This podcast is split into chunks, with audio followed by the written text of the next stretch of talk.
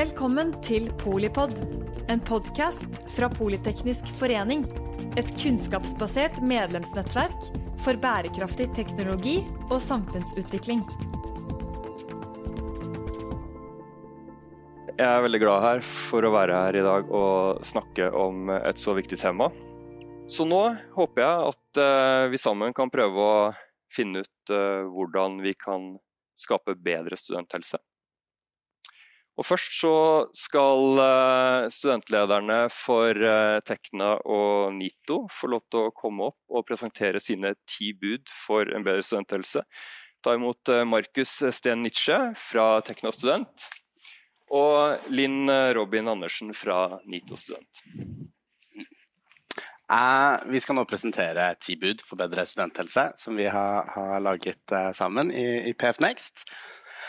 Andelen studenter med alvorlige psykiske plager har ifølge SHoT-undersøkelsen økt fra nesten hver sjette i 2010 til hver femte i 2014, til nå hver fjerde student i 2018. Det er dystre tall, men psykisk helse handler likevel om så mye mer enn alvorlige plager og lidelser. Presset på de unge er høyere enn aldri før. Kanskje er det sosiale medier, kanskje er det foreldre, samfunnet, urealistiske forventninger til seg selv. Summen er uansett at unge føler på både karakterpress, kroppspress, ensomhet, utenforskap, stress og dårlig selvbilde. Nær én av tre studenter har symptomer på søvnproblemer. Tre av ti studenter sliter med å klare de løpende utgiftene. Dette er da før både korona og strømkrise og løpende matpriser. Eh, det er altså kun fire av ti studenter som mener selv at de har en god livskvalitet. Alt dette er også tall hentet fra SHoT-undersøkelsen i 2018. Dårlig psykisk helse har på mange måter blitt den nye folkehelsekrisen. Særlig for studenter og unge. Til tross for at dette er et tydelig varslet samfunnsproblem, som både organisasjoner og fagfolk har pekt på over lang tid, eh, forblir konkrete tiltak i stor grad forskjøvet og neglisjert.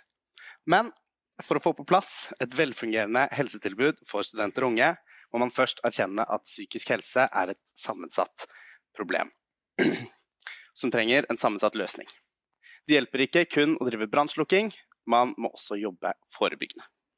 Og Derfor så har vi i PF Next nå kommet med ti krav eller ti mål på hvordan vi ønsker å forbedre studenthelsen. Så vi har da funnet på mange ting eh, som vi ønsker at skal forbedres. Og selvfølgelig så er det også mange ting som ikke fikk plass på denne lista.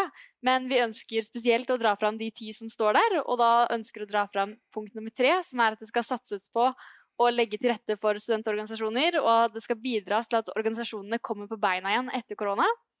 Punkt nummer seks, som er at det skal være et tett samarbeid mellom, eh, mellom, næringslivet og studentene gjennom hele studietiden, så at man har et tett samarbeid. Og punkt nummer ni, som er at man skal sette inn ekstra tiltak det første året på studiet, så at det skal bli et ekstra godt arbeidsmiljø. Så håper vi at det kommer mye nyttig ut av diskusjonen som kommer nå. Mm. Da vil jeg gjerne få ønske velkommen til ungdomspolitikerne som skal delta i debatten.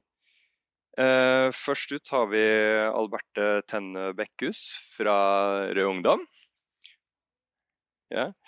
Eh, vi har Agnes eh, Nærland Viljugrein fra AUF.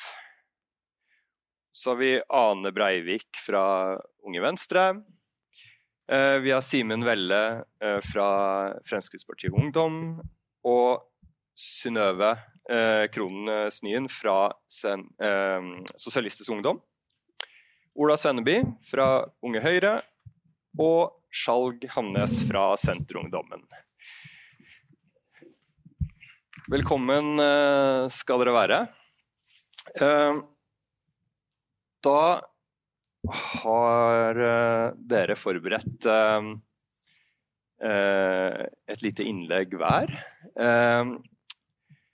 Og det dere skulle jeg gjerne vil at dere skal presentere for oss, det er eh, hva vil ditt parti gjøre for å bedre psykisk helse hos ungdom og studenter? Vær så god. Ja, Det er jo ikke et lite spørsmål som blir stilt. Da, fordi hva gjør man? Det er jo et som har blitt lagt ganske tydelig fram, et enormt problem. Hvor det er mange som ikke har det godt, mange som altså, har det skikkelig dårlig, mange som er i litt sånn vanskeligere eh, situasjon. Eh, og psykisk helse er jo et enormt Det koster samfunnet masse. Både på det menneskelige, men også på det rent økonomiske. Så det å igangsette tiltak er åpenbart helt, helt nødvendig, spesielt etter da pandemien. Eh, fordi tallene nå er nok ikke stort bedre enn de var for to år siden, for å si det mildt. For meg er det hovedsakelig to linjer vi må tenke ned. Det ene er det på en måte rent økonomisk inn mot psykisk helse, altså at man må ha nok penger til gode lavterskeltilbud, om det er eh, på studieplassene eller om det er til altså, ROS rådgivning for spiseforstyrrelser, flere døgnplasser. Rett og slett nok inn i det allerede, eksisterende helsetilbudet. Så penger er nummer én. Og så er den andre på en måte samfunnet. Og det handler jo egentlig også om økonomi, men det er ganske mye som ikke bare er eh, spesifikt psykisk helse, som jeg også tror kan bedre psykisk helse. For eksempel vet vi at fattigdom er, tetta, er knytta veldig tett opp mot det å ha det dårlig, mot depresjon osv. Da mener jeg det er helt avgjørende at vi fører en politikk for å senke forskjellene.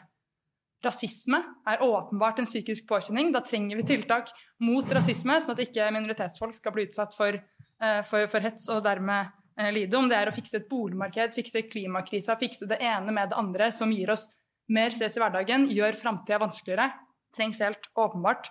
Nå skal vi prate mye, så jeg skal runde av snart. Men det er én siste ting jeg vil legge til. og det Mine notater sier på en måte bare gutta.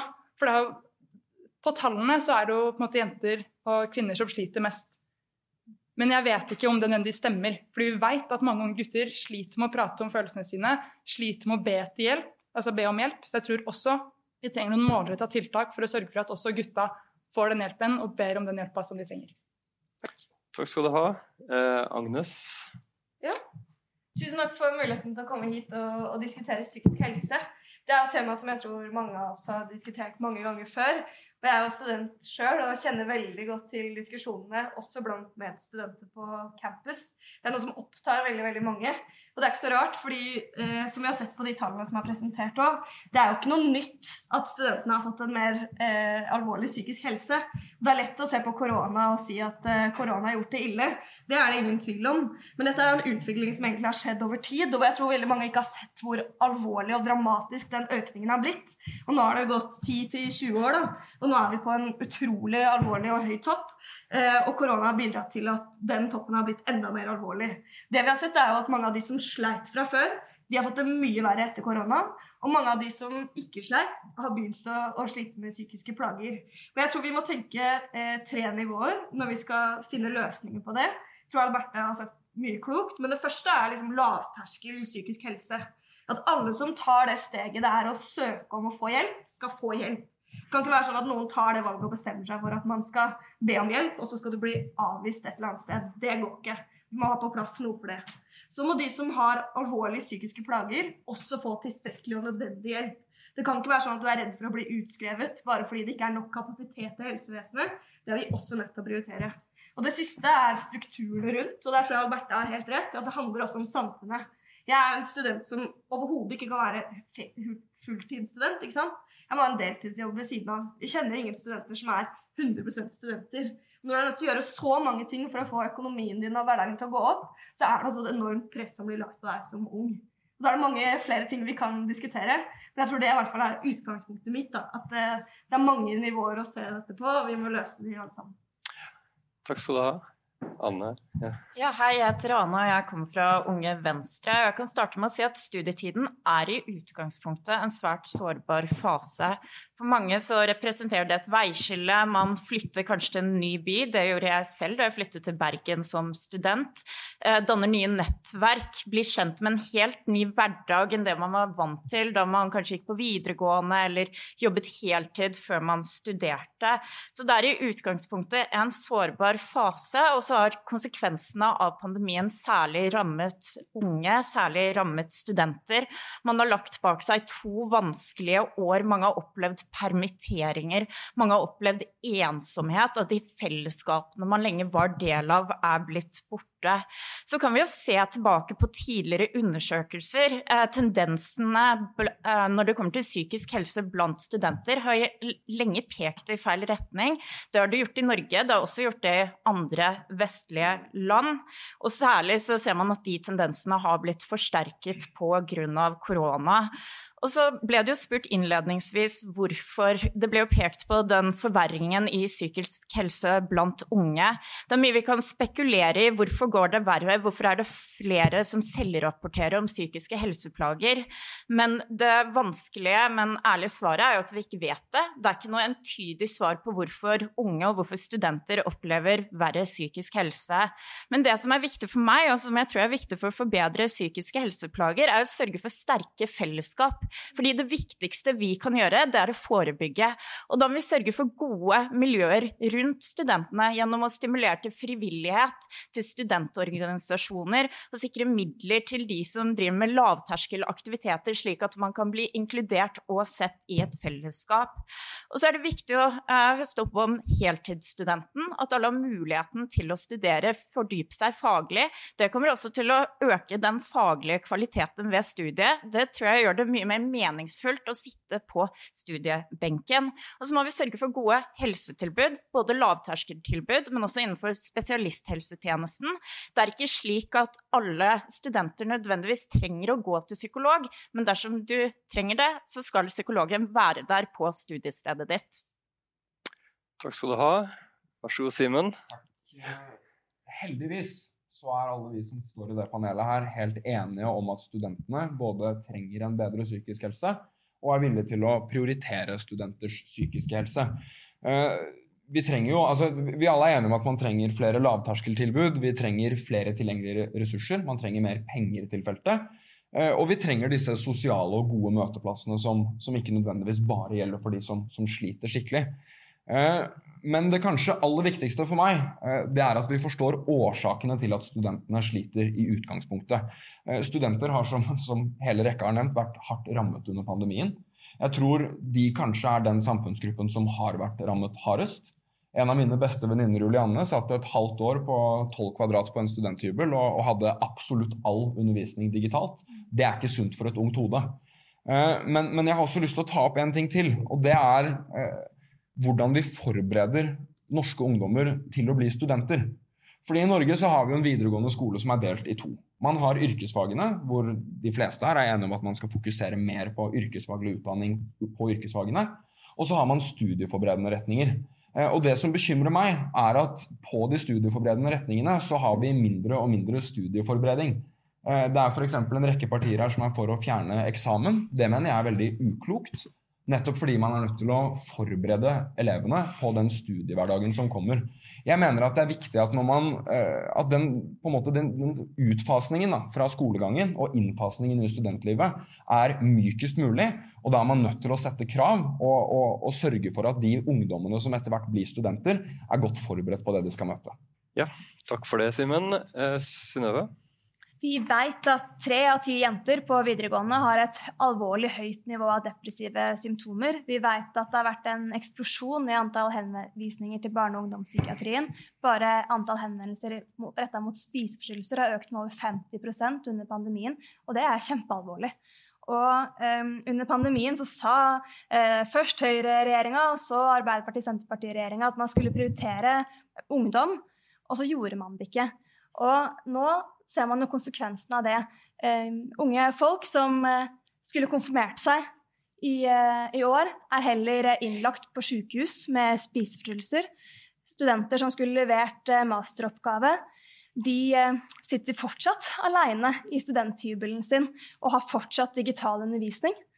Og det er, ja, er jeg veldig bekymra over. Og jeg skulle ønske at pandemien førte til at man satsa på forebygging. At man brukte millioner på å bygge opp studenthus rundt omkring ikke på campusene i Norge. At man brukte de store pengene på nettopp forebygging. Men det gjorde man ikke. Man kunne satsa på linjeforeninger, på studentpuber på, eh, osv., osv., men man gjorde det ikke. Man kunne satsa på flere psykologer og eh, miljøarbeidere på skolene, men det gjorde man ikke. Og det ser man konsekvensen av nå.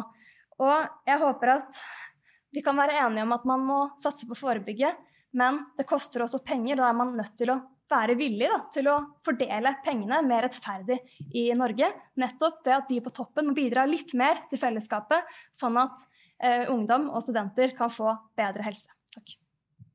Takk skal du ha. Ola? Takk. Håper alt ikke er sagt ennå. Nei, eh, Ja. jeg treffer Ola, jeg kommer fra Unge Høyre. Jeg kan svare på det siste først. Altså, problemet med korona er jo ikke nødvendigvis at studentforeningene fikk for lite penger. Er at studentforeningene ikke fikk lov til å møtes. Ja, det er jo problemet. Eh, Og at man ikke nødvendigvis klarte å finne gode nok substitutter til det.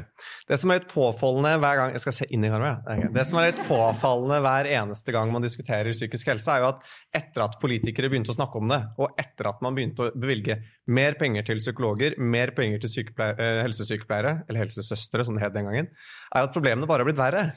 Og da kan man velge å kjøre på den samme løypa som mange gjør, og si at vi skal fortsette med mer penger til helsesykepleiere, vi skal fortsette med penger til psykologer, som delvis er riktig.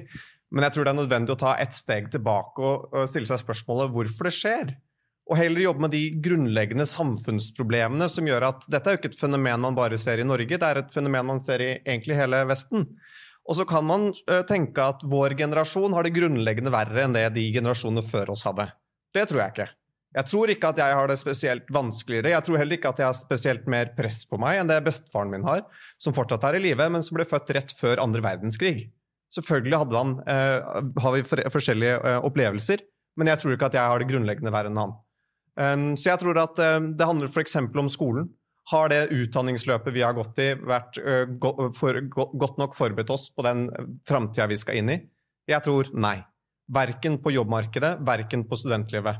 Har foreldrene våre forberedt oss godt på den verden vi skal gå inn i? Jeg tror nei. Jeg tror ikke mine foreldre visste hva de gjorde da de ga meg Facebook da jeg var 13. Og det var veldig mange gode råd fra foreldregenerasjonen den gangen om hvordan man skal oppføre seg bra på internett. Men hvis man ser i kommentarfeltet på VG nå, så tror jeg kanskje man kan konkludere med at det ikke var den generasjonen som satt på riktig kompetanse til å belære oss om akkurat det. Så poenget mitt er at jeg vil egentlig bare gi skryt til Politeknisk forening og de tilbudene som akkurat uh, blitt lagt, uh, lagt fram, for jeg tror det er nettopp den diskusjonen som er viktigere. Vi er litt forbi diskusjonen om flere helsesykepleiere. Vi må diskutere hva er det som gjør at vår generasjon har rekordhøy andel som rapporterer om psykiske helseproblemer, uh, og hvordan gjør vi noe med det. Takk skal du ha, Ola. Skjalg, vær så god. Takk. Skjalg Amnes heter jeg og er fra Senterungdommen. Og jeg må si først tusen takk for invitasjonen til å komme hit. Det er jo et utrolig viktig tema. Eh, og det å få liksom, presentert de tallene, som vi for så vidt eh, kjenner godt til i, i rekka her, eh, det, er, altså, det setter spor. Altså, det, er, det er ikke sånn vi vil ha det i, i Norge i dag. Um, Sjøl så, selv så setter jeg på andre enden av bordet og får eh, de her som faktisk sliter med psykisk helse, framfor meg eh, og skal prøve å hjelpe dem. Og jeg har sjøl kjent på den frustrasjonen over, over hvordan helsetilbudet altså hvordan muligheter har jeg for å kunne hjelpe dem, sende dem videre. For at det er et stort press, og det er store kø, og det er stor mangel på bl.a. psykologer, psykiatere og eh, andre tilbud for å hjelpe til eh, hjelpe de med psykiske, psykiske helseproblemer. Og så er det klart at det er ikke bare der vi skal gjøre det, det er ikke bare helsevesenet. Vi må se på helheten. Vi må ha de her sosiale tilbudene blant studentene som gjør at de har noe sosialt å gå til, som gjør at de har en fin hverdag. Vi må også ha de lavterskeltilbudene på samskipnadsnivå, på kommunenivå, hvor man kan gå uten å trenge henvisning fra legen. Vi må ha eh, en primærhelsetjeneste der vi har fastleger som faktisk har tid til å prate med studentene, tid til å prate med ungdommene og faktisk gi dem hjelp. Og eventuelt sende dem videre til et helsevesen, eh, spesialisthelsevesenet, hvor det faktisk er plass til dem. Hvor det ikke blir, som noen sa her, at, de, at det er liksom hele tida et mas om hva kan vi pushe dem ut for å få plass til neste. Sånn kan vi ikke ha det. Så vi trenger et løft fra, liksom helt fra bunn og helt til toppnivå, helt til det mest spesialiserte. Det er hele den psykiske helserekka. Og alt rundt. Samfunnet, som noen sier her, ja, forskjeller det bidrar til, uh, bidrar til psykisk uhelse. Eller ja, psykisk uhelse blir det ja. Um, og, det er, og, det er, flere tiltak rundt i samfunnet som vi er nødt til å ta tak i. Uh, og så har vi ikke alle fasitsvarene på hva er det som faktisk gjør det. Vi ser noen tendenser her som blir presentert. Uh, men, og da er det også, når vi ikke ser hele bildet, så vet vi ikke alle svarene, men vi har noen svar. Og jeg tror også de her ti budene som er fått presentert i dag, det er en god start å begynne. Takk. Takk skal du ha, Skjalg. Eh, veldig mange gode innspill her. sånn. Jeg har lyst til å eh, starte å gripe tak i noe alle unntatt Ola egentlig sa, for han var ferdig med det. Men det å, eh, det å bygge opp et bedre helsetilbud for studentene Det er nevnt både i økt kapasitet i spesialisthelsetjenesten, lavterskeltilbud osv. Men mitt store spørsmål er hvordan skal det her finansieres og organiseres? Hvem skal gi tilbudene, og hvor, hvor skal pengene tas fra? Da vil jeg starte med deg, eh, Agnes. Vi i AUF vi jobber jo veldig hardt for å få regjeringa til å fortsette å prioritere studenter, og mener at det er liksom en av de øverste sakene som vi har på dagsordenen. Det må skje både gjennom samskipnadene, vi må ha et bedre studenttilbud på campus og for de studentene som er der. Særlig hvis du har flytta til en ny by, så er jo det å kunne gå på campus og få den hjelpen du trenger, helt avgjørende. Men så trenger vi også kommuner, sånn som bl.a. Eh, Senterpartiet her var inne på. Vi trenger jo eh, gode kommunehelsetjenester. Og det er jo et av de stedene vi ser at vi sliter mest med å ha gode lavterskeltilbud, hvor det er lett å oppsøke, hvor det er vanskelig å nå unge. I min egen bydel i Gamle Oslo her i, i Oslo så har man f.eks. begynt med Ung Arena, som er et område hvor du kan komme inn og få hjelp, tilpassa ulike livssituasjoner òg, hvor man ikke bare ser psykisk helse alene, men hvor man også ser f.eks. Eh, jobbmulighetene dine, eller hvor du er i utdanningsløpet, og prøver å løse det helhetlig. Men så må vi også snakke om eh, alvorlig psykisk helse. Og, jeg syns at Ola har et veldig godt poeng. Jeg, jeg, tror åpenbart vi må diskutere hvordan dette skjer. Men vi kan ikke hoppe bukk over diskusjonen om hvordan vi hjelper de som sliter i dag. Det er et alvorlig høyt tall. Og det vi ser er at selv i spesialisthelsetjenesten, når folk blir mer alvorlig syke nå enn før, mm. så har vi et alvorlig kapasitetsproblem også der. Og folk kan ikke komme til DPS få hjelp en stund, men egentlig bare sitte og bli pressa ut raskest mulig. For det som skjer da, det er at folk faller tilbake igjen. Ja. Og det må vi finansiere, både gjennom staten, gjennom samskipnadene og i kommunene. Ja. Simen, replikk til det? Jeg biter meg litt merke i at du snakker om at vi har et kapasitetsproblem. Det første din regjering gjorde, var å fjerne fritt behandlingsvalg, som fjerner all den private kapasiteten. Eh, så det kapasitetsproblemet, og misforstå meg rett, det eksisterte før dere fjernet fritt behandlingsvalg også, men dere har jo ikke akkurat gjort det problemet noe mindre. Eh, og så tror jeg det er viktig å, ja. å snakke litt om det at uh, Vær så god, har... Eh, Ola. Takk. Da kan jeg bare fullføre der Simen slapp. fordi jeg syns det er rart at man måtte bruke kapasitetsproblem som et argument om å fjerne deler av denne kapasiteten. Og Synnøve nevnte eh, alvorlige spiseforstyrrelser, og det er en av de Ehm, de er en av de sykdomsforløpene som har økt mest under korona. Og det er nettopp de også som får lov til å benytte seg av fritt behandlingsvalg, som øker kapasiteten. Resultatene er gode. Eh, og da syns jeg det er litt feil ennå å si at man, eh, at man, fjerner den kapasiteten nå, før man i det hele tatt har et godt alternativ. Ok, Du kan få lov til å svare på det. Hovedproblemet med den reformen til regjeringa er at den var dyr, og at vi kan bruke de pengene enda mer bedre i den offentlige helsevesenet. Og det er der jeg mener at vi skal prioritere nå. Okay. Synnøve, du ville si noe til det første spørsmålet. Ja, jeg synes Det er liksom et paradoks, da, for i dag så må jo studentene i realiteten egentlig crowdfunde sitt eget helsevesen gjennom semesteravgiften. Jeg mener at Det vi trenger nå, er mye større overføringer fra stat, fylke og kommune til samskipnadene, sånn at man kan bygge opp et helsevesen som er spesialisert på studenthelse. Og Derfor trenger vi bl.a.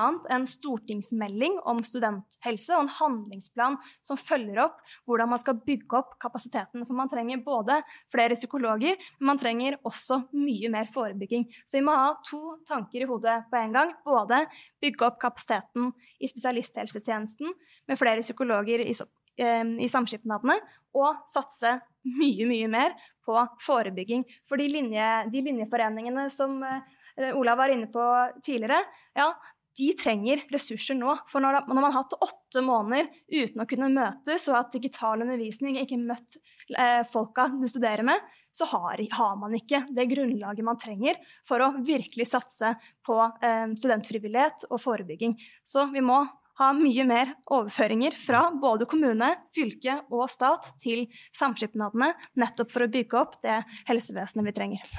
Anne, vær så god. Noe av det som er vanskelig i denne diskusjonen, er jo at vi ofte kan snakke om ulike satsingsområder. Eh, flere, eh, flere, områder der vi må ansette flere og bygge opp kompetanse. Men dette tar jo lang tid, og det er jo også et perspektiv vi må ha med oss. At det nytter ikke å i dag si sånn ja, vi skal sette av en så stor pott til å ansette flere psykologer.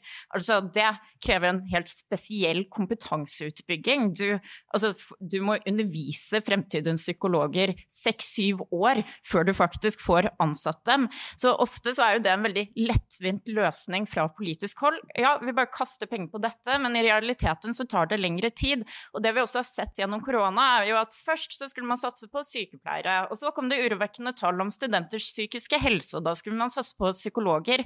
Og jeg skulle ønske det ikke var, var et nullsumspill, men samtidig så endrer man stadig nye satsingsområder, og det utraderer allerede eksisterende satsinger, eh, fordi det tar tid å bygge opp kompetansemiljøer. Ja, nei, da, Jeg syns det har blitt sagt mye godt. Da. Jeg kan være den første til å si at jeg er ikke den som har mest peil på spesifikt hvordan studenthelse bør se ut. Det skal bare si rett ut. Det er ikke liksom det politiske området der jeg har satt meg mest og lest mest grundig, men det jeg vet, er at det må være finansiert med offentlige midler. Altså ikke at studenter skal crowdfunde alt mulig sjøl, som Snøve var, var, inne på. Eh, og, og, det tror jeg det er altså, studentorganisasjonene som, som, vet best. da hva de ønsker. Ikke nødvendigvis at de skal sitte ut og tenke et eller annet genialt på, på skrivebordet. Men jeg har, ikke, jeg har ikke enormt mye å tilføye, pinlig å si, men vi er jo enige om problembeskrivelsen her. Og jeg tror du skal lete lenge før du finner noen som ikke kjenner en student som har blitt, eh, fått holdt på å si, døra i trynet når har bedt om hjelp. Eller fått en evig lang kø i trynet. Og det er ikke godt nok. Og da er det både nok penger til det langsiktige, som han var inne på, men også disse lavterskeltilbudene i dag. For jeg tror, jeg tror mye står og faller på dem. Hva slags eh, rolle skal universitetene ha her? Altså, et eller annet sted må jo disse pengene for å styrke uh, ungdomshelse Det hjelper ikke å strikke hånda ekstra langt fram. Men uh, altså, Høyreregjeringa og Bent Høie de hadde jo en satsing på psykologer i kommunen her for en del år tilbake. Bevilga 100 millioner til det. Det var vel kanskje en tredels psykolog per kommune. Det er ganske store summer vi snakker om her, hvis vi skal forbedre Et sted hvor penga tas fra. Skal det tas fra universitetenes budsjetter? Synnøve kan få lov til å svare på det først. Ja, nei, det handler jo om at man er nødt til å omfordele mer i det samfunnet vi lever i. For vi har sett de siste årene at forskjellene i Norge har økt og økt og økt. Og økt. Og det er tett kobla sammen med dårligere helse. Et samfunn med store forskjeller er også et samfunn med dårligere folkehelse. Så jeg mener det er helt liksom, i smørøyet nettopp at man bør omfordele fra de som har aller mest, de som har store formuer, store lønninger. De kan også være med og bidra litt mer til fellesskapet, sånn at man får bygd opp ordentlige helsetjenester for ungdom i Norge. Jeg tror egentlig at det er ganske mange i Norge som ville vært enig i at det er ganske fornuftig nå etter en pandemi å omfordele litt mer for å få mer velferd. Tipper Simen er uenig i det? Det kan du skrive under på. Jeg, jeg, tror ikke det er sånn at vi må gjøre rike mennesker fattigere for å gjøre fattige mennesker rikere. Eh, jeg tror det er store Nei, ikke på noen som helst måte. La meg fullføre resonnementet mitt. fordi poenget er det at det går helt fint an å bekjempe fattigdom uten å bekjempe rike mennesker. Og jeg tror at eh, du, altså Politikk det handler om én ting. Det handler om å prioritere penger. Og som du sier, 100 millioner kroner det er et, et spytt i bøtta i statsbudsjettet. Men det finnes enorme summer som er helt andre steder i statsbudsjettet som man definitivt kan kutte. F.eks. elektrifisering av sokkelen, som koster 50 milliarder kroner og fører til økte klimagassutslipp. Det er ganske mange psykologer, det. Så jeg tror egentlig at disse politikerne i panelet her burde ta en runde både med seg selv og partiene sine og finne ut hvor disse pengene skal tas fra, før man bare lover masse psykologer overalt. Ja. Jeg tror vi dropper klimadebatten her. det var en debatt om økonomiske ja, så, så jeg gir ordet til deg, Ola. Takk. Eh, og det norske statsbudsjettet er på 1356 milliarder kroner, tror jeg. Så jeg tror det er, tror det er mulig da, å finne mer penger til eh, enn 100 millioner kroner enn de pengene som allerede er der. Men mm. spørsmålet litt hva universitetene kunne gjøre, hvilket eh, eh, ansvar universitetet har. Ja. Og universitetet er jo liksom det første som møter, møter, elevene. Og jeg må si, jeg er veldig veldig for at universitetene jobber mer for å være mer inkluderende og sånn. Men for å ta et nærliggende eksempel. Universitetet i Oslo, juridisk fakultet. Er ikke lenger lov til å kalle det fadderuke, det heter studiestartuke. Jeg er litt redd for at det ønsket om å gjøre ting mer inkluderende ender opp med å ha motsatt effekt, at det faktisk blir mer ekskluderende isteden. Fordi man tar fra det som tross alt har vært en ganske viktig arena for mange andre. Annen kritikk av Universitetet i Oslo. Jeg syns det ja, synes det er helt sjukt under korona at man har f.eks. en rektor som går og sier at uh, vårt mål er at ingen skal bli smittet på Universitetet i Oslo. Som om det at alle elevene sitter på digital undervisning altfor lenge ikke har noen konsekvens. Og da mener jeg at universitetene ikke har vært gode nok og ikke fått lov tidlig nok til å åpne for å kunne møtes fysisk, i stedet for at man skal drive med appen og drive og logge seg inn på lesesalen og sitte med to meter i avstand. Veldig dumt. Synnøve, håper det var en eh, replikk til eh, økonomi. Ja. ja. Så, to ting. For det første, Norge har nettopp fått eh, alle de 400 rikeste i Norge er alle sammen milliardærer. Det er mulig å omfordele litt mer makt og rikdom i landet for å kunne satse på forebygging. Og vi har lenge kjempa for en egen læringsmiljølov for studenter, nettopp for å sikre at universitetene og høyskolene tar ansvar for læringsmiljøet. For du lærer ikke nok hvis du ikke trives. Hvis du ikke har en kollokviegruppe, hvis du ikke kjenner noen på studiet, så lærer man ikke best mulig. Og derfor har også universitetene og høyskolene et stort ansvar for å bygge opp nettopp en god fadderuke, eller semesterstartuke, eller hva de nå velger å Studiestartuke. Men også for å faktisk ha um, fysisk undervisning ha mindre seminargrupper, så man blir kjent med folk. For det tror jeg har vært det store store problemet, og det er kanskje der det er mest effektivt å forebygge nå. Forebygge ensomhet nettopp gjennom god undervisning med nok eh, lærere og nok eh, mentorer, eller hva man skal kalle det. Og sånn at man får kollokviegrupper, blir kjent med noen på studiet, og får eh, bli kjent med noen i linjeforening. Uh, vær så god, Agnes. Ja, Det var egentlig svar på det spørsmålet du stilte. da. Hva slags ansvar har universitetene? Mm. Og jeg tror at uh, det er kanskje mer samskipnaden og det offentlige som skal stå for selve helsetilbudet. Men det betyr ikke at ikke universitetene har et ansvar. Og det handler jo om hvordan vi trives på studiene. Mye av det eh, Synnøve var innom. Å ta instituttet mitt da, på UiO, som vi nå har kritisert, for å gi det litt skryt, så fikk de egne penger for å arrangere fest for hele eh, kullet på denne faget jeg gikk på. Det var kjempemorsomt, og det utelukkende formålet var at vi skulle bli kjent og møtes fordi folk ikke har møttes. Og vi har snakka mye om studiestartuke, men nå er det jo flere kull på universitetet som ikke har møttes, som ikke kjenner hverandre, som heller ikke hadde russetid på videregående og heller ikke hatt startsuke på universitetet. Så vi må ikke glemme nå at det finnes flere kull på universitetet som ikke har hatt den sosialiseringen som mange kan begynne med nå, forhåpentligvis, da, etter sommeren. Så det at universitetet må ta et større ansvar for det sosiale, det tror jeg er helt åpenbart. Og det henger sammen med hvordan man trives og hvordan man har det. Fordi vi kan snakke mye om liksom, hvordan, vi, hvordan demmer vi opp for det negative. Men jeg tror også vi må snakke litt om hva kan bidra for at folk skal få det bedre. For jeg tror det også gir eh, større effekter til sammen. Da. Nei, Ane. Men, ja, eh, men bare sånn, hvis vi først stiller spørsmålet hvem har ansvaret for å dekke et helsetilbud for studentene, så er det jo kommunene. Kommunene er juridisk forpliktet til å dekke et helsetilbud for studentene.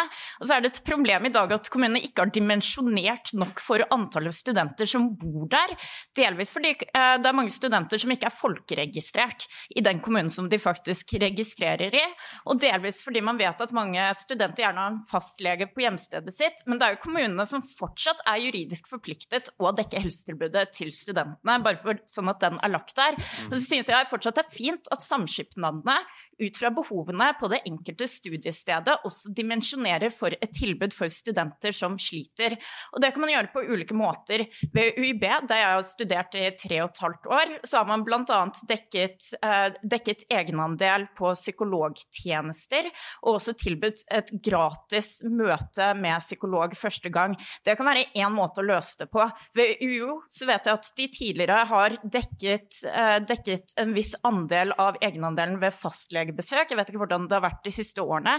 Men det er i utgangspunktet positivt, tror jeg, at de som sitter i den enkelte samskipnaden, kjenner sitt studiested og vet hvilke supplement man trenger ved siden av det kommunene tilbyr. Fordi kommunene skal dekke grunnleggende helsetjenester, de skal dekke spesialisthelsetjenesten osv. Og, så og det er et problem at det ikke er nok psykologer i hver enkelt norsk kommune. Mm. Og, like, og, ved siden av det så kan, så kan uh, studentsamskipnadene uh, dekke da supplementer som er nødvendige på det studiestedet, ved siden av det kommunen tilbyr. Ja. Skjalg, du hadde en replikk til det? Ja, nei, jeg er helt enig at eh, det er jo sånn, som Anne sier, at det er kommunene som har ansvar for, den, for primærhelsetjenester. Eh, men da må vi også sørge for at kommunene har de ressursene for å nettopp gi de, de helsetjenestene. Derfor er vi nødt til å styrke kommuneøkonomien. Selv om kommuneøkonomien høres dritkjedelig ut, men det er så utrolig utrolig viktig. For det er det som nettopp gir de her allmennhelsetjenestene, som gjør at vi kan gi hjelp både, ikke minst, både fastleger, men også, eh, også eh, psykologer i kommunen. Og da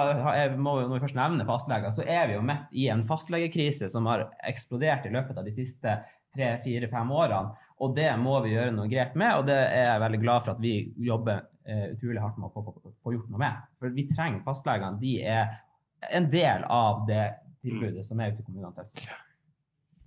Var det en replikk på replikken? En, Han skal få lov til det. Greit. Jeg bare vil si at jeg, jeg er enig i at det er kommunene som er hovedansvaret for studenten, men realiteten er jo at veldig mange flytter til en ny by, ikke har skifta fastlege, ikke vet hvor de skal gå. Og da er jo studiestedet det stedet de forholder seg til. En av de tingene vi fikk gjennomslag for i Hurdalsplattformen, som AUF jobba for, det er at det skal være gratis å gå til psykolog fram til du er 25 år. Om det er på studiestedet ditt eller om det er i kommunen, det er ikke så viktig for meg. Men at vi må senke terskelen, og at det var mulig å få hjelp, og at det ikke skal være sånn at du ber om hjelp og får nei. Det er det aller viktigste for meg. Og så kan den være tilgjengelig enten i kommunen eller på studiestedet. Jeg er enig i at det er viktig å styrke, å styrke midlene til kommunene. og Det var jo nettopp derfor den forrige regjeringen gjennomførte en opptrappingsplan for rus og psykisk helse på over 2 milliarder kroner. Man har fått sluttevalueringen fra Fafo som viser at man har styrket tjenestene på akkurat dette området. Og så er det jo slik at eh, for mange studenter så er det jo litt sånn, og slik har det vært for meg alle årene da jeg har flyttet for å studere, at jeg kommer jo ikke på å bytte fastlege før jeg faktisk trenger å gå til fastlegen. Og så går jeg inn, søker opp en fastlege og setter meg selv på en venteliste og venter i tre måneder. Eh, Det kunne vært interessant, selv om vi nå har en fastlegemangel, så det er også en realitet ved det, men det kunne vært interessant å se på muligheten for at studenter f.eks. unntaksvis kan ha to fastleger samtidig. Det er jo også noe som har blitt foreslått av NSO, og som jeg håper at nåværende regjering bestående av Senterpartiet og Arbeiderpartiet vil se på. Alberte? Ja, jeg hadde opprinnelig notert eh, kommuneøkonomi jeg også, men den tok kanskje ikke veldig overraskende Senterpartiet, så det har vært eh, god stemning. Men eh, jeg tenkte å snakke litt om, finansiering, for jeg tenker vi må se på, på måte, hvilke penger man bruker i dag kontra de måte, potensielle utgiftene i framtida. Og det føles veldig kynisk å prate om økonomi, utgifter, kostnader når man prater om psykisk helse. Og nå har jeg sett litt sprikende tall. Men jeg har sett anslag på at psykiske lidelser koster samfunnet alt fra 60 til 290 milliarder kroner i året.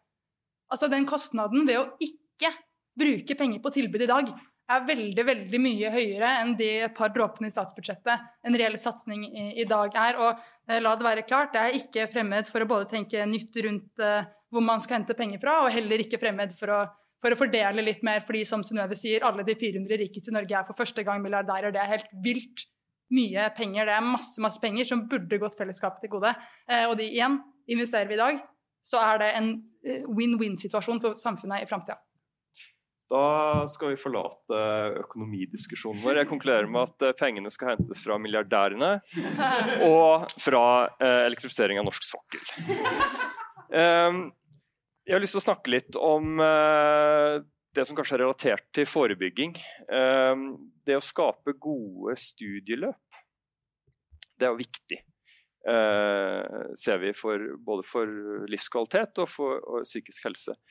Um, hvordan skal vi sikre at eh, studentene våre er, får gode studieløp, og at de er liksom rusta for arbeidslivet?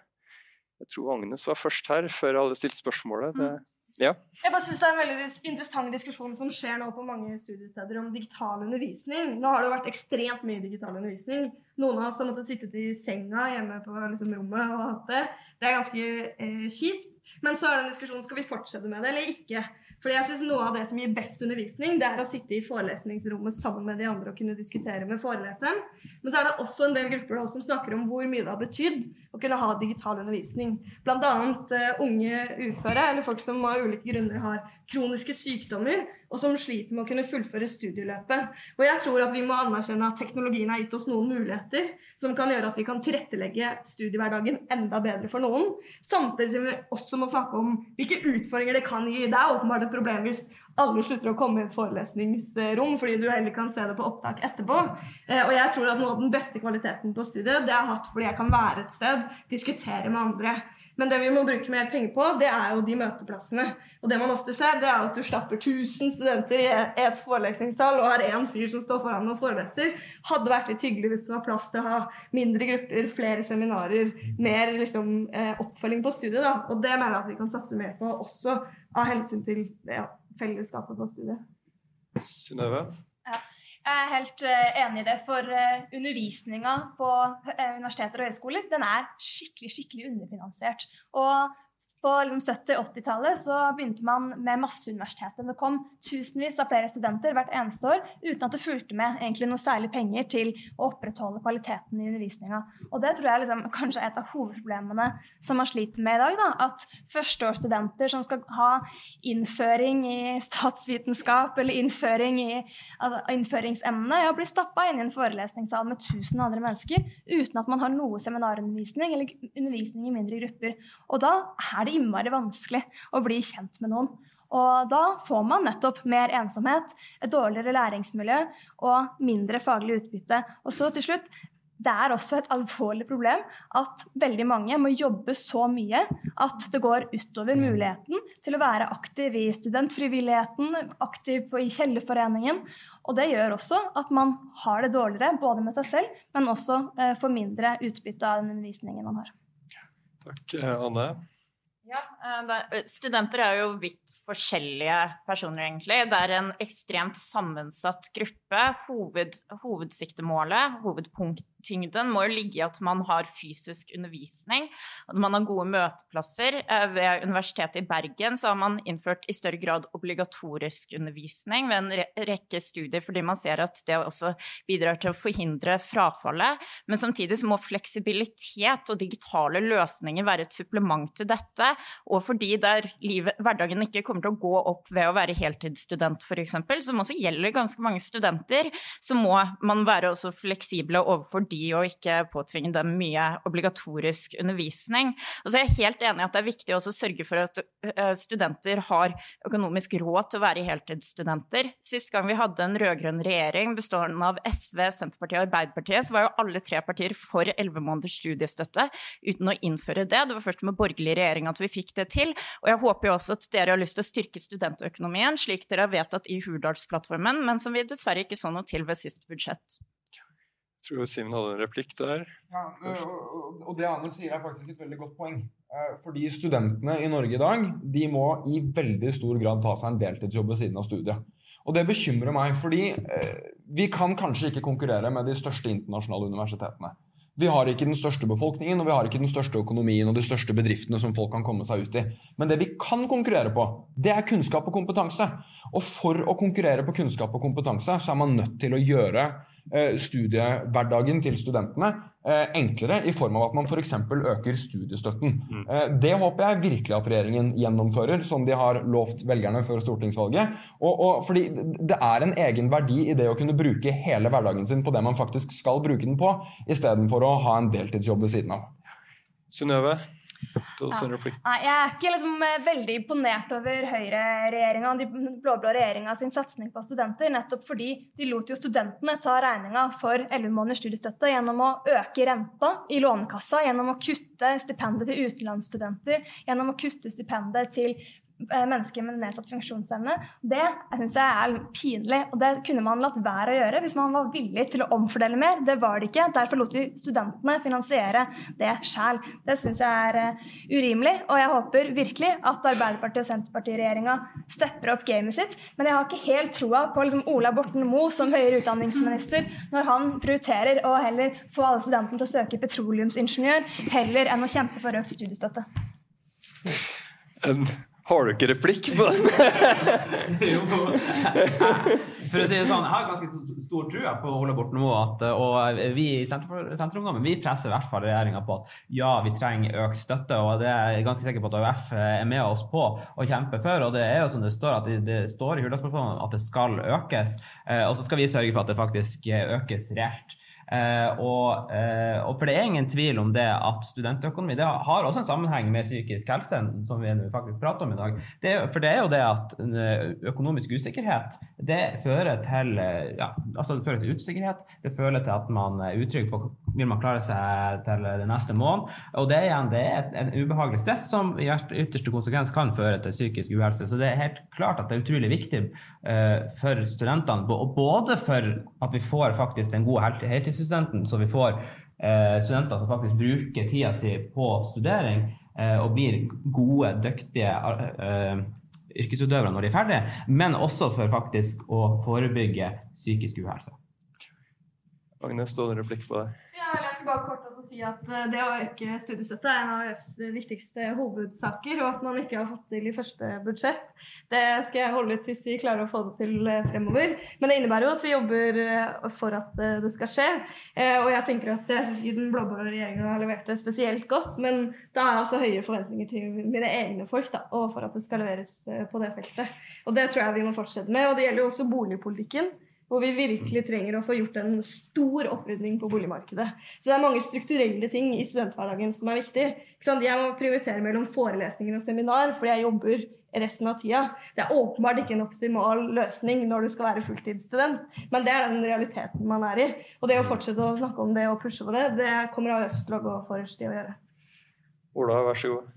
Enig mye, eh, men eh, du stilte også spørsmål om hvordan man skal være godt rusta til arbeidslivet. Det handler også om hvordan eh, universitetet sørger for at man reelt sett kan det man skal ut i arbeidslivet for å gjøre. Synes Det er veldig fascinerende å høre på, apropos Ola Borten Moe, som du for øvrig sørger for at har flertall i Stortinget.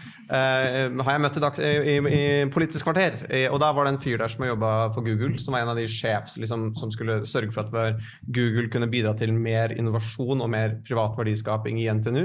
Og han sa at han har aldri vært eh, i kontakt med liksom, et studentmiljø et universitetsmiljø som er så lite interessert i privat næringsliv som det han var ved NTNU i Trondheim. Og det er et ganske dårlig utgangspunkt, fordi NTNU er jo på veldig mange linjer landets flaggskip.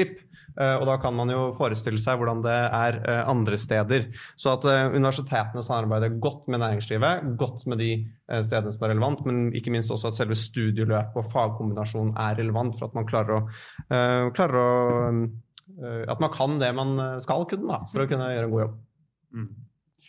Ja, altså, jeg, er helt, jeg er helt enig i at det, studiene i Norge er nødt til å samarbeide godt med næringsliv og, eh, og med også andre arbeidsplasser som studentene skal ut i. Både at man får gode praksisordninger og man får et godt samarbeid. Det, sånn at man er bedre rusta til det man eh, skal ut i. Altså, det er noe som absolutt er viktig for oss i Senterungdommen, det er ingen tvil om. Og det kommer vi til å, å jobbe hardt for. at, at man og hvis jeg husker feil, så står det noen formulering om det også, at man skal sørge for et godt samarbeid med næringsliv og med potensielle arbeidsgivere, sånn at faktisk man får den eh, utrolig nytteerfaringa.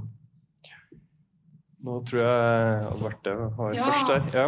Jeg kan jo starte med å si at Det som er så fint, er at i forkant av valget så gikk alle ungdomspartiene sammen om eh, Studentkravet. Ja, studentkravet var det det takk. Som hvor et av kravene var økte studiestøtte til 1,5 G. Så der står vi samla.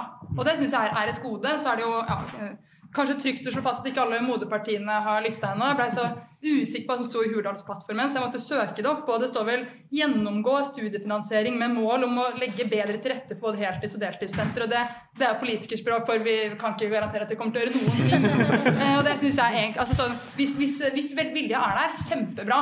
Men jeg kan ikke si at det er så veldig lovende, dessverre. Fordi, så klarer du inne på heltidsstudenten Ja, jeg må få lov til å snakke ferdig, da. det var et innlegg. Men fordi heltidsstudenten er langt unna realiteten i dag. Og det er et problem. altså Hvis du virkelig skal gjøre en god jobb, så må man jo faktisk kunne være til stede på studiene. Det tror jeg både spiller inn på altså En ting er psykisk helse hvis man er, har lite penger, men også den psykiske helsa hvis du er nødt til å sjonglere flere jobber og tette studiet. studie. Det går jo ikke opp. Men det er en siste liten ting jeg må, må trekke inn her, fordi Ola etterspurte eh, næringslivet. Og så er det én gruppe studenter vi nesten ikke har prata om i dag i det hele tatt, og det er fagskolestudentene og fagskole i Norge. Det er altså høyere yrkesfaglig utdanning. Det trengs å satses på. Og jeg vet at forrige regjering no gjorde noe. Jeg vet at nye regjeringa har tenkt å gjøre noe, men der går det innmari innmari sakte. Og hvis det er én studentgruppe vi skal sørge for at får gode rettigheter, får tilgang på undervisning som vi trenger både i møte med altså, helsekrise, grønt skifte og det ene med det andre, så er det fagskolene. Og der håper jeg at nye regjeringa kommer med en kraftig opptrappingsplan så fort som mulig. Ja, Agnes, du skal få lov til å forsvare svare Hurdalsplattformen. Ja. Fordi det som jo står der, er at man skal legge til rette for heltidsstudenten. Og det er jo en stor ambisjon. Og det å si at det innebærer faktisk at du må øke studiestøtta så mye at det reelt sett er mulig å være heltidsstudent, det er jo det vi jobber for. Så det handler jo bare om å legge makt bak de ordene som står der. Legge premiss for hva det betyr. Og der er det masse rom for å være med å jobbe og pushe denne regjeringa til å levere på det punktet, og det de faktisk skriver at de skal gjøre. Så jeg er enig i at det står på en politikerspråk måte, sånn som mange av de tingene gjør. Hvis man faktisk leser hva det står, så sier man at man skal legge til rette for heltidsstudenten. Det mener jeg er å øke studiestøtten så mye at det reelt sett er mulig å være heltidsstudent. Og det kommer AUF til å jobbe for. Synnøve? Nei, jeg er ikke overbevist, jeg. Og det er fordi Hva skjedde når SV gikk i høst ut og utfordra Ola Borten Moe på om han skulle øke studiestøtta? Han sa nei, det har jeg ingen planer om å gjøre. Så utfordrer vi han en gang til. Da. Denne våren har du planlagt å øke studiestøtta nå som eh, prisen på altså, leieprisene øker, matprisene øker, strømprisene øker. Nei, har ingen planer om å gjøre det nå heller. Så jeg, jeg sliter litt da med å se at den politiske viljen faktisk er til stede i regjeringa for å faktisk øke studiestøtta. Og jeg håper man får det til. Og vi kommer til å kjempe med nebb og klør for å få en økt studiestøtte. Men det vi har blitt møtt med, er et blankt nei. Ola? Og, og hvis, hvis, man ikke jeg, jeg, er også enig at man skal ha som mål her men hvis man ikke får det til, så mener jeg faktisk det er bedre å være ærlig på det. For Problemet i dag er at universitetene på den ene siden legger opp til at du skal være 100% student, mens på den andre politikerne legger opp til at det ikke er mulig. Eh, og da bør man, mener jeg, i hvert fall hvis det tar lang tid og man får heltidsstudent, være helt ærlig på at dere skal være 80% studenter, 50 studenter, hva vet jeg. For det er bedre enn den situasjonen elevene, er, nei, elevene studentene er i nå, fordi de er i limbo mellom politikernes forventninger og universitetenes forventninger. Jeg tror det var Anne først her. Ja, bare for å ta noe som ble diskutert tidligere. altså Vår nåværende uh, forsknings- og høyere utdanningsminister fra Senterpartiet snakker mye om desentraliserte studieplasser. og Det var jo også noe den tidligere regjeringen også hadde en stor satsing innenfor. Og det er viktig fordi vi vet at det er store ulikheter i hvem som tar høyere utdanning. I Trøndelag er det en juristmangel, og så ser man at mange av de som studerer juss, gjør det ved et studiested nærme der de bor. Og det kan jo tenkes at det til dels også er fordi eh, for, altså det finnes ikke noe jusutdannelse der, f.eks. Og NTNU skal ikke starte med det, for all del, de har ikke lyst til det. Eh, men allikevel så er det et legitimt poeng som illustrerer at sånn, mange av de som, de som flytter til en by eller et nytt sted, de gjør det enten fordi de kommer derfra, eller fordi de har studert der. Men det som er viktig å sørge for, samtidig som man kan tilby mer fleksible studieplasser som er desentralisert, er at det ikke går på bekostning av de sterke fagmiljøene, for å gå tilbake til spørsmålet om hvordan vi kan eh, styrke studieforløpet. Så vil jeg også si at jeg går på fjerdeåret på jussen, og jeg har aldri vært innenfor en rettssal. Og det er også et stort problem når det kommer til eh, norske studier akkurat nå. Det er veldig lite praksistilbud. Én ting er de studiene der praksis er påtvunget, nesten, eller obligatorisk i hvert fall. En annen ting er de andre studiene, der man ikke får så mye virkelighetsnær undervisning. Og vi har jo et eksamenssystem innenfor høyere utdanning som er ganske virkelighetsfjern. Altså, det er jo ikke slik at hvis du begynner å jobbe som advokat, at arbeidsgiveren din kommer til å låse deg inne på et rom i seks timer og si til deg nå må du løse, løse denne oppgaven, og du har ikke lov til å snakke med noen kolleger eller google det. Tvert imot. Og skulle jeg si én ting til. Uh, ja, så det, det, må vi i hvert fall styrke. Vi må, vi må prøve å ut... Jo, uh, og så har det vært snakk veldig mye om sånn universiteter og næringsliv.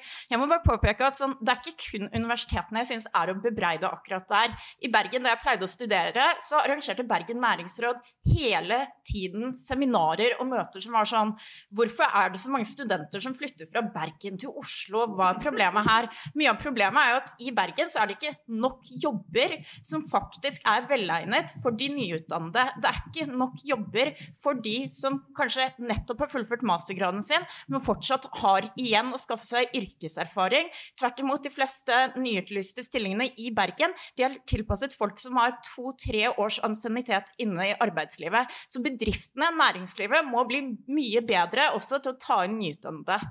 Takk. salg. Ja, jeg synes det er litt artig at uh, Unge Venstre sier at man drev på å satsa på desentralisering av utdanning når de satt i regjering, og, det, og resultatet av det var at man la ned Høgskolen på Nesna. Og da er jeg veldig glad for at eh, Senterpartiet kom i regjering, berga det og sørga for at det var 118, eller nå er det altså 118 søkere på 100 plasser. Så det å legge ned det, det var dårlig, et dårlig desentraliseringstiltak. Det var jo tvert imot sentralisering.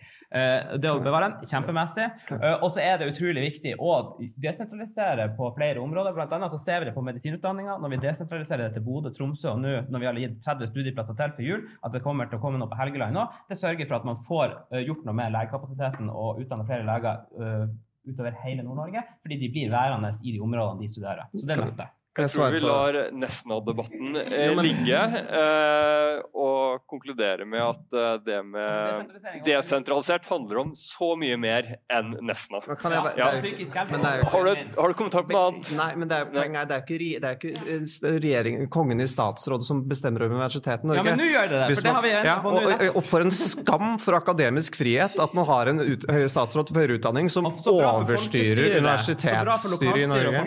Ja, ja, det kan man gjøre. Da venter jeg på Ola Borten skal inn og regulere hva vi skal lære om på jussen også, så er vi i gang. Ja, noen grenser finnes det jo. Jeg har lyst til å komme til litt tilbake til noe Anne kom inn på, og det var vurderingsformer. Eh, bud 7 her står det at det skal brukes relevante vurderingsformer som ikke er til ulempe for studentene. Vi kunne kanskje fått de til å forklare litt nærmere der. Eh, men men eh, tradisjonelt sett er det jo veldig eksamensbasert vurderingsformer. Moderne pedagogikk sier kanskje at det ikke er det beste. Eh, er det Hva tenker dere rundt det her? Da skal du få lov til å begynne, Synnøve. Fagmiljøene er jo egentlig helt enig i at den eksamensformen vi har både på ungdomsskolen, videregående, men også på universitet og høyskoler, er ganske dårlig. Eh, fordi det ikke legger opp til at man lærer like mye gjennom hele året eller hele halvåret. Og jeg mener det er viktig nå å satse på eh, bedre altså både undervisningsformer gjennom mer seminarundervisning, men også gjennom mer rettferdige vurderingsformer. For du presterer jo ikke ditt beste hvis du ikke aner hva du kommer til å bli målt på på en eksamen, og du presterer heller ikke ditt beste hvis du er så stressa at du har angstanfall under eksamen. Sånn at det er mulig å legge opp både undervisninga og vurderingsformene på en måte som gjør at man faktisk lærer mest mulig, og det har man ikke klart i dag. Anne? En klar svakhet ved dagens eksamensform er jo at man i mye mindre grad kan gi uttrykk for dybdelæring når man benytter seg av klassiske skoleeksamener. Og i tillegg eh, selvfølgelig at det ikke er en realistisk representasjon av det man kommer til å møte videre i arbeidslivet. Men så må jeg innrømme at det er ekstremt vanskelig å finne vurderingsformer som ikke er til ulempe for studentene. Og det er jo delvis fordi vi kanskje gir uttrykk for kunnskapen vår på ulike måter. Men det er jo også slik at hvis man går over til i større grad hjemmeeksamener f.eks., så vil det være til fordel for de studentene som har et sterkt nettverk på sitt fakultet, som har mange sparrepartnere som de kan samarbeide med, og som kanskje også kan få litt hjelp hjemmefra. Det kommer til å være til ulempe for de studentene som har et ganske svakt sosialt nettverk på studiestedet.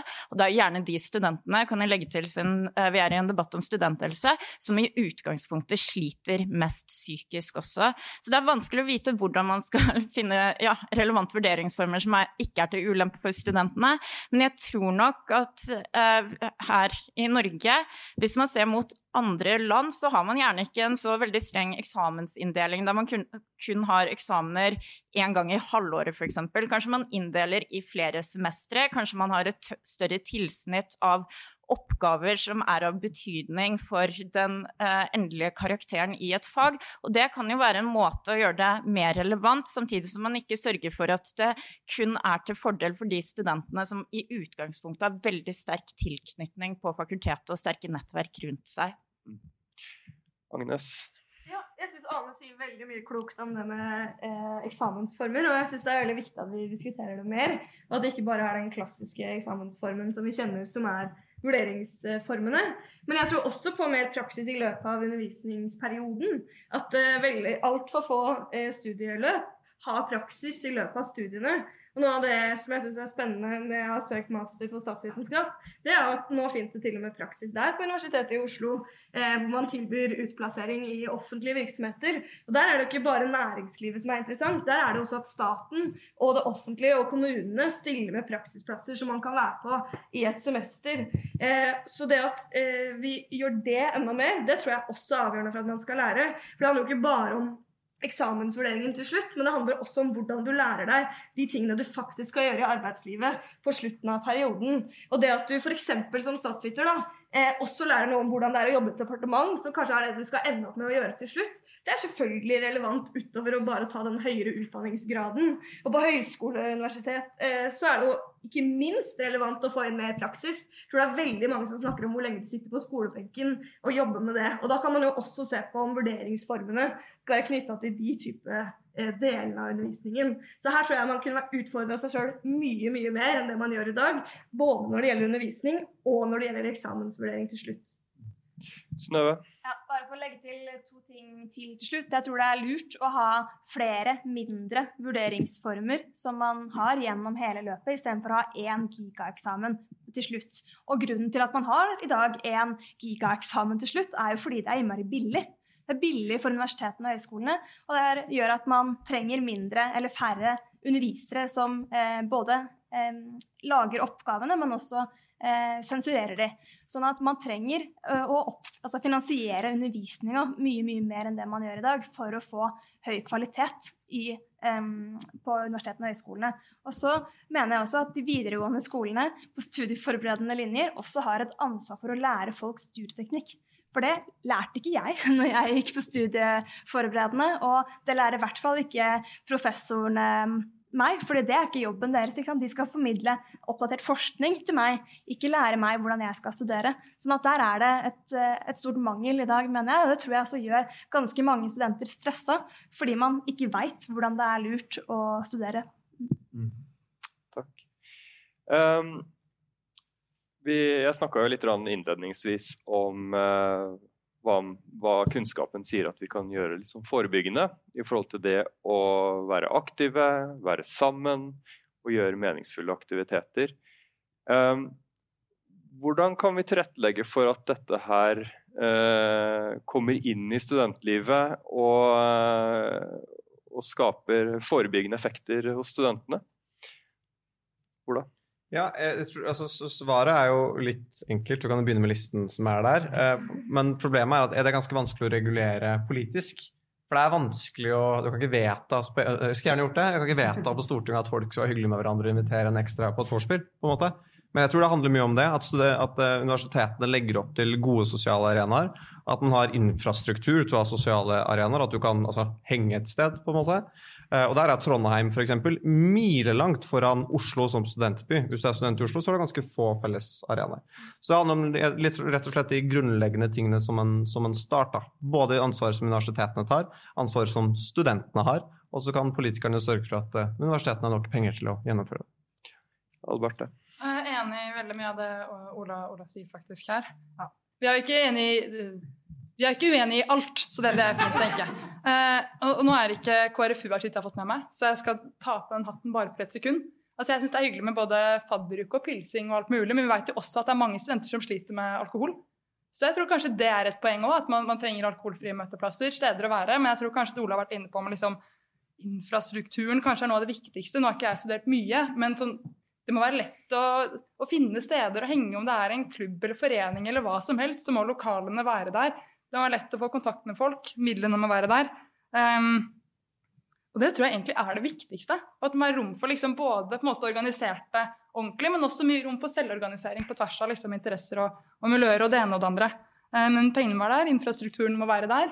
Hyggelig om ølen er der, men den trenger kanskje ikke alltid være der heller. Anne? Ja, det er jo det er jo viktig også at man har sosiale tilbud som er alkoholfrie. Men jeg tror jo for veldig mange så er jo det kjekkeste med studenttiden nettopp at du kan dra ut på byen, drikke øl, og så trenger du ikke våkne opp før forelesning klokka to dagen etterpå. Liksom. En enorm fleksibilitet. Men noe av det som bekymret meg mest nå i etterkant av korona og som student, er også hvordan korona i stor grad har rammet de frivillige organisasjonene på universitetene. Og på mange universiteter så er det jo slik at folk er aktive i de frivillige frivillige organisasjoner kanskje to-tre år. Og kanskje de drar på utveksling eller studerer en master i en annen by etter det. Og det man ser i stor grad, er at ved mange ulike eh, studentersamfunn rundt om i uh, ulike byer, i mange av studentorganisasjonene, så har man ikke hatt gode overlappsperioder. Man sitter ikke med nok kompetanse til å gå tilbake til den vanlige driften som man pleide å ha.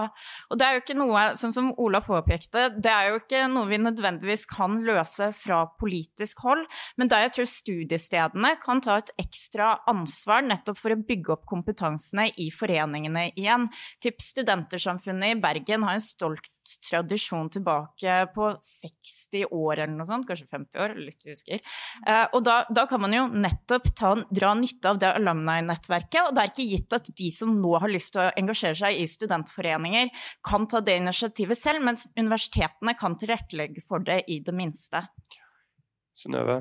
Ja, jeg er helt enig i det. Og jeg tror Problemet også er at veldig mange universiteter, eller for den saks skyld eh, studenters eh, samfunn, har veldig veldig gamle bygg som man ikke har råd til å pusse opp eller utvide. Og det gjør at man mangler et sted å være, eh, hvor det er billigere øl, men også brettspillrom, liksom. Og det, det er et alvorlig problem som jeg syns det er synd da, at man, når man skulle nettopp bevilge krisepakker under pandemien for å få i gang ja, økonomien etter korona, så burde man jo også bygd eh, idrettsbaner, flerbrukshaller, som studenter kunne brukt, nettopp fordi fysisk og psykisk helse henger sammen. Man burde eh, bygd flere studenthus rundt omkring på campusene, fordi man mangler faktisk de fysiske fasilitetene for å kunne bygge opp studentfrivilligheten igjen. Og der mener jeg at både kommunene og staten bør stille opp, for den eh, økonomien har ikke studentene til å crowdfunde selv. Og jeg syns det er trist da, at man eh, har fått en debatt som blant, liksom, spesielt blant moderpartiene våre, kanskje, hvor det å liksom, snakke om studenter ja, det er ikke så viktig, fordi studenter er jo det var veldig gøy når jeg var student. Jeg hadde det bra. Så derfor eh, vil jeg ikke prioritere det nå. Så det tror jeg liksom, er en realitet da, som jeg håper at flere enn oss som er unge, også kan påpeke at man trenger å det er jo rett og slett liksom, de voksnes ansvar da, å bygge opp eh, dette. Og nå har eh, studentorganisasjonene de har ropt lenge, og nå må faktisk eh, Stortinget høre. Skjalg? Ja, nei, jeg er helt enig i at det er sånne her type lav, altså, man kan kalle det lavterskel, so-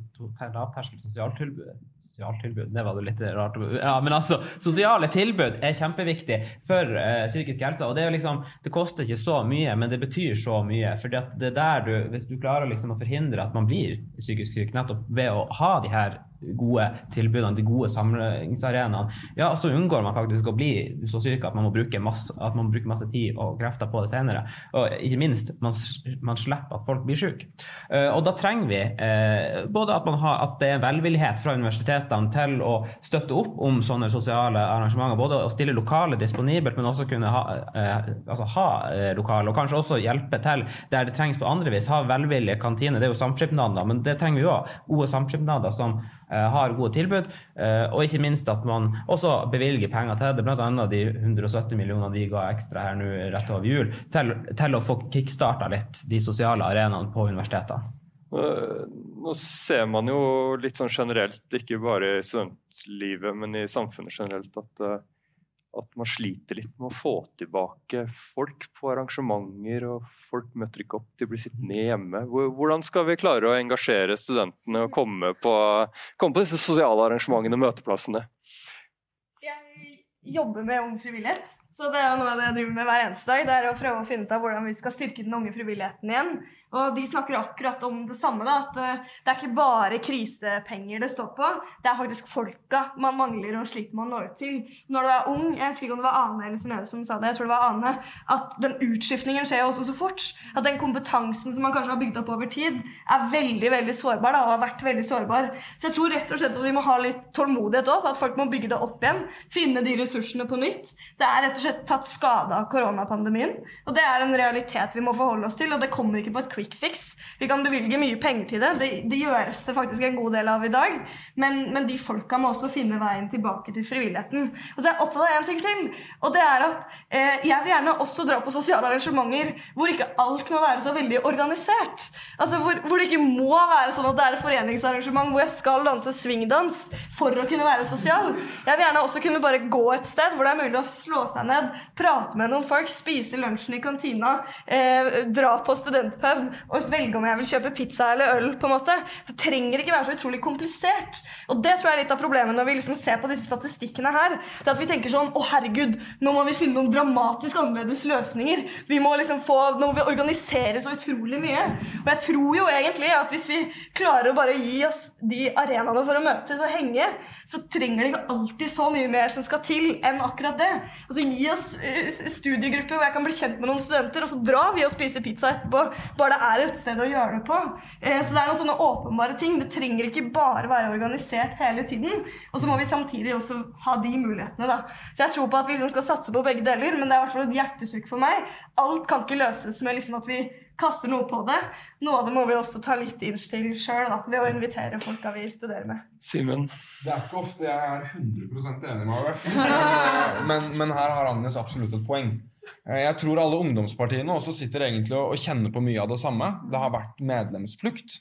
Det er mange som lenge har vært redde for å møte opp fysisk. Eh, Og når, når, når ting på en måte har åpnet opp igjen, så, så er det ikke så mange som møter opp fysisk. Og Da har jeg lyst til å snakke litt om, om, om egne erfaringer i, i FPU. Da. Eh, Og, og det vi gjorde, var egentlig akkurat det Agnes sa. Eh, Vi lagde noen sosiale arenaer, vi kjøpte noen pizzaer, og vi hadde null forventninger. Eh, Og gjør man det én gang, kanskje det ikke kommer så mange, men gjør man det ti ganger, så kommer det fort noen folk. Og det er noe med det at det, det trenger ikke å være en så høy terskel. Man trenger ikke alltid å ha noe på agendaen. Man trenger ikke alltid å ha en eller annen plan eller en eller annen, sant, et eller annet stort opplegg. Noen ganger handler det bare om å ha et sted å møtes, og det er et, en veldig viktig oppgave både for universitetene og faktisk også for politikerne. Anne? Ble det jo snakket litt i stad om, om det å ha gode studentlokaler. Og jeg tror jo alle som har vært innom samfunnet i Trondheim, har vært sånn Å, shit, det er derfor dere henger her. Jeg skjønner at dere tar sivilingeniørgraden nå. Eh, fordi både i Bergen og i Oslo så har man Chateau Neuf og Det akademiske kvarter, og det samler jo ikke vanlige studenter på samme måte som samfunnet. Så må vi også ha forståelse for at samfunnet i Trondheim, det er vel sånn 100 år gammelt eller noe sånt, ble stiftet for lenge, lenge siden. Og det tar tid å bygge opp noe som er så stort, og spesielt det å finne eh, gode lokaler såpass sentrumsnært.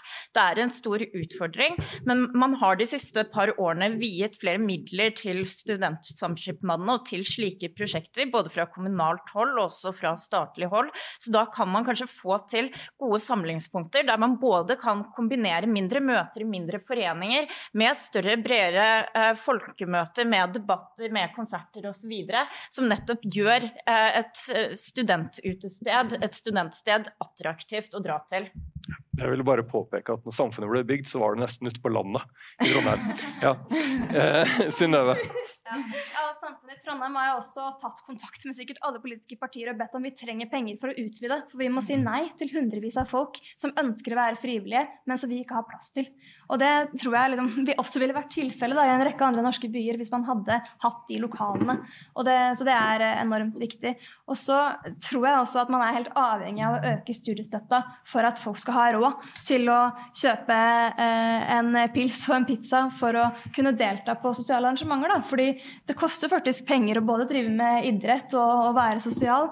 Og når vi vet at to av ti studenter, og det var før pandemien, brukte eh, kredittkort og forbrukslån for å dekke strømregninga, husleia og mat, så sier det seg selv at man er nødt til å prioritere jobb foran sosiale arrangementer. Og da kommer man også til å eh, ha et mindre nettverk, og det vet vi fører til mer eh, ensomhet og mindre læring. Så studiestøtta må opp for at vi skal klare å løse de problemene her.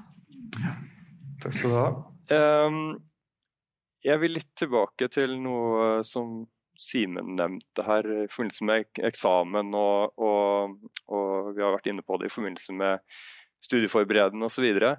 Men hvordan kan vi som et samfunn være med på å skape eh, robuste ungdommer som takler eh, kanskje litt utfordringer og skifte av sted, skifte av miljø når de begynner å studere?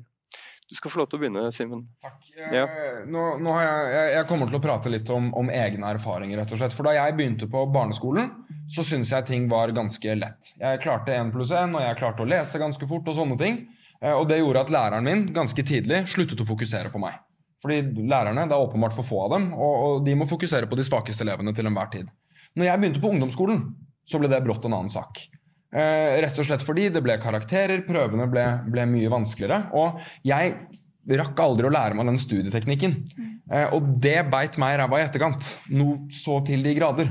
Eh, så jeg, jeg tror det å, å fra foreldrenes side, i, i all hovedsak, men så er det jo en ærlig sak at ikke alle har veldig ressurssterke foreldre heller, men det å, å, å lære elever opp i studieteknikk fra ung alder, rett og slett den evnen til å klare seg sjæl, den tror jeg er utrolig viktig. Fordi det er en kjensgjerning at ja, det er et stort skifte å bli student. Ja, det er et stort skifte å begynne på en ny skole. Ja, det er et stort skifte å flytte til en ny by. Og det gjør dessverre de aller fleste av oss. Og da må man forberede de unge menneskene på den endringen som kommer, istedenfor å på en måte hele tiden tenke at flere penger eller politiske løsninger eller sånne ting er, er løsningen på problemet. Jeg tror rett og slett at man er ærlig med ungdommen og forteller dem om hva som, som er i vente, er en, er en viktig bidragsyter der. Agnes? Jeg tror vi snakker litt for dårlig om eh, forskjellen på å være skjør, forskjellen på å være psykisk syk, forskjellen på å være alvorlig psykisk syk. Og det er ganske mange interessante ting man kan snakke om. Når du er ung og sårbar, så tror jeg du trenger venner, jeg tror du trenger nærhet, jeg tror du trenger fysisk aksept, f.eks. Eh, jeg syns det er veldig spennende å diskutere rollen som sosiale medier eller teknologi da, har i det.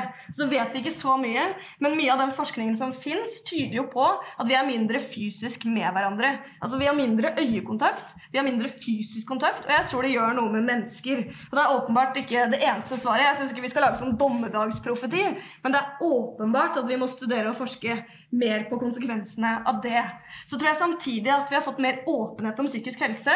Det syns jeg Ola hoppa litt over i stad. at Noe av grunnen til at vi har fått flere diagnoser, f.eks., er jo fordi folk eh, blir kjent med det, veit hva det er, eh, kan, mer om depresjon, kan mer om angst, har muligheten til å sette ord på det og har muligheten til å søke om hjelp. Det tror jeg er en bra ting for samfunnet at flere gjør. Og så er jeg bekymra for den individualiseringen vi ser. Altså at jeg aleine er ansvarlig for hvordan jeg har det. Og åpenbart betyr ikke det at alle andre skal komme til meg og redde, men jeg tror at vi må gjøre mer med fellesskapene våre. Altså, Hvordan er vi med hverandre som venner? Hvilke forventninger stiller vi til, felles, til storsamfunnene rundt? da? Åpenbart. Og den enorme individualiseringen vi har i 2020, den tror jeg også påvirker helsa vår. Den påvirker hvordan vi står i møte med alt det vi ser, alt det vi opplever på sosiale medier, alt det vi liksom møter på i samfunnet, og hvordan vi oppsøker hjelp. Det folk sier til meg hvis du har det dårlig, her, har du oppsøkt psykolog. Men kanskje det man trenger noen ganger, er en skikkelig god venn som har de timene det trengs for å prate seg gjennom noe grundig. Og det er ikke for å eh, ikke si at alvorlige ting må tas på alvor, men det er også for å si at noen ganger så er det også det man trenger. Og det tror jeg vi også må snakke mer om. Alberte? Ja, nå er at mange tenker, Jeg kan jo starte med å si at Når folk snakker om fellesskap, og sånn, så blir hjertet mitt veldig varmt. og jeg tror det er, Men jeg tror det er mye i det også. Da, ikke sant? Som Agnes var inne på, hyperindividualisert samfunn. Kanskje liksom litt mindre fokus på race to the bottom og konkurranse til enhver tid kunne vært positivt. Det tror i hvert fall, tror hvert fall jeg. Men altså, hvordan da skal, skal, man sørge for at dagens ungdom blir liksom sterke og robuste og klare for voksenlivet? Jeg tror det er ganske mye. Den ene tingen jeg skal si, jeg skal koble meg til det jeg snakka om på starten og det er fattigdom. For det å vokse opp i fattigdom preger deg. Altså sånn, det, å være fattig voksen, fattig ungdom, tenår, preteens, barndom, hva som helst, det setter spor. Det bidrar til utenforskap. Det kan bidra til at man føler skam, selv om man ikke bør det, og veldig veldig mye mer til. Så vi må åpenbart ta noen, noen tak der. Helt enig at vi liksom må se på studieteknikk og sånn, men jeg tror også vi må tenke på en måte et par linjer. og Det ene er hva er det vi lærer i skolen? En ting er at vi ikke lærer SU-teknikk, men jeg lærte i hvert fall heller ikke mye om altså, hvordan man setter opp et budsjett. Alle disse praktiske voksentingene som kan gjøre det veldig mye mindre skummelt å gå ut i voksenlivet. Eh, så støtter jeg også altså, enig med Agnes at ikke vi skal svartmale sosiale medier og telefonen og sånn. De statistikkene vi så tidlig i dag, var jo ganske dramatiske egentlig på psykisk helse og telefonbruk. Men jeg tror ikke det i seg selv handler om at man bruker telefon. Jeg tror det handler om hva det er man får på telefonen. Nå skal f.eks. retusjert reklame merkes. Det er veldig veldig bra. Det håper jeg også gjelder eh, på sosiale medier ordentlig grundig. At det vil gjelde der også. Så vi ser på influensemarkedsføring. Det at vi hele tida får opp filtre på telefonen vår som endrer ansiktet vårt, sånn at vi nesten ikke merker det, men allikevel nok til at vi blir for helt klart forhold til, eh, forhold til oss sjøl. Åpenbart påvirker det psykisk helse. Så det er, det er masse vi må gjøre. Jeg tror jeg ser på videregående, altså hvordan det funker med stress, press og eksamener og lekser og fraværsgrense og det ene med det andre. Og så En siste liten ting som jeg ikke vet hvor populær kommer til å gjøre meg når vi diskuterer på en måte studentpsykisk helse. Jeg tror vi også er nødt til å se på hvilke veier det er vi tar. Fordi nå er det heldigvis på en måte flere som søker seg til yrkesfag enn studiespes, men det er fortsatt i en del tilfeller stigma rundt det å gå yrkesfag. Jeg tror det er mange som tar studiespes fordi det er forventa dem, og så er man ferdig, og så har man kanskje ikke lyst til å studere. Så enten begynner man å gjøre det, og så har man ikke noe bra, eller kanskje man får en løs tilknytning til arbeidslivet fordi man får seg nesten ikke jobb uten å ha noe utdanning. Så jeg tror vi må se på flere veier mellom videregående, høyere utdanning, yrkesfag osv. Jeg tror det kan være positivt for veldig, veldig mange. Og da er jeg ferdig. Ja, Og der fikk du siste ordet, for nå har vi brukt opp tida vår. Eh, jeg vet dere har masse å si. Fortsatt, Vi kunne sikkert holdt på hele kvelden. Eh, men eh, dere må bare fortsette å jobbe for studentenes eh, helse på hver deres måte. Men dere, jeg kan vel konkludere om at dere er enige om veldig mye. Eh, og at de ti budene som eh, NITO-student og Tekna-student har presentert i dag, de er i hvert fall ti bud som dere i stort sett er enige om. Og jeg håper at dere kan følge opp mot deres respektive moderparti og få litt action eh, på det her. Så jeg vil gjerne takke dere for at dere kom hit og var med i debatten. Og takke Tekna og Nito for at de presenterte sine tilbud. Og så takk til dere som eh, så. Takk for at du lyttet til Polipod fra Politeknisk forening. Få med deg flere episoder, eller bli med på nettverksmøtene som du finner på at polyteknisk.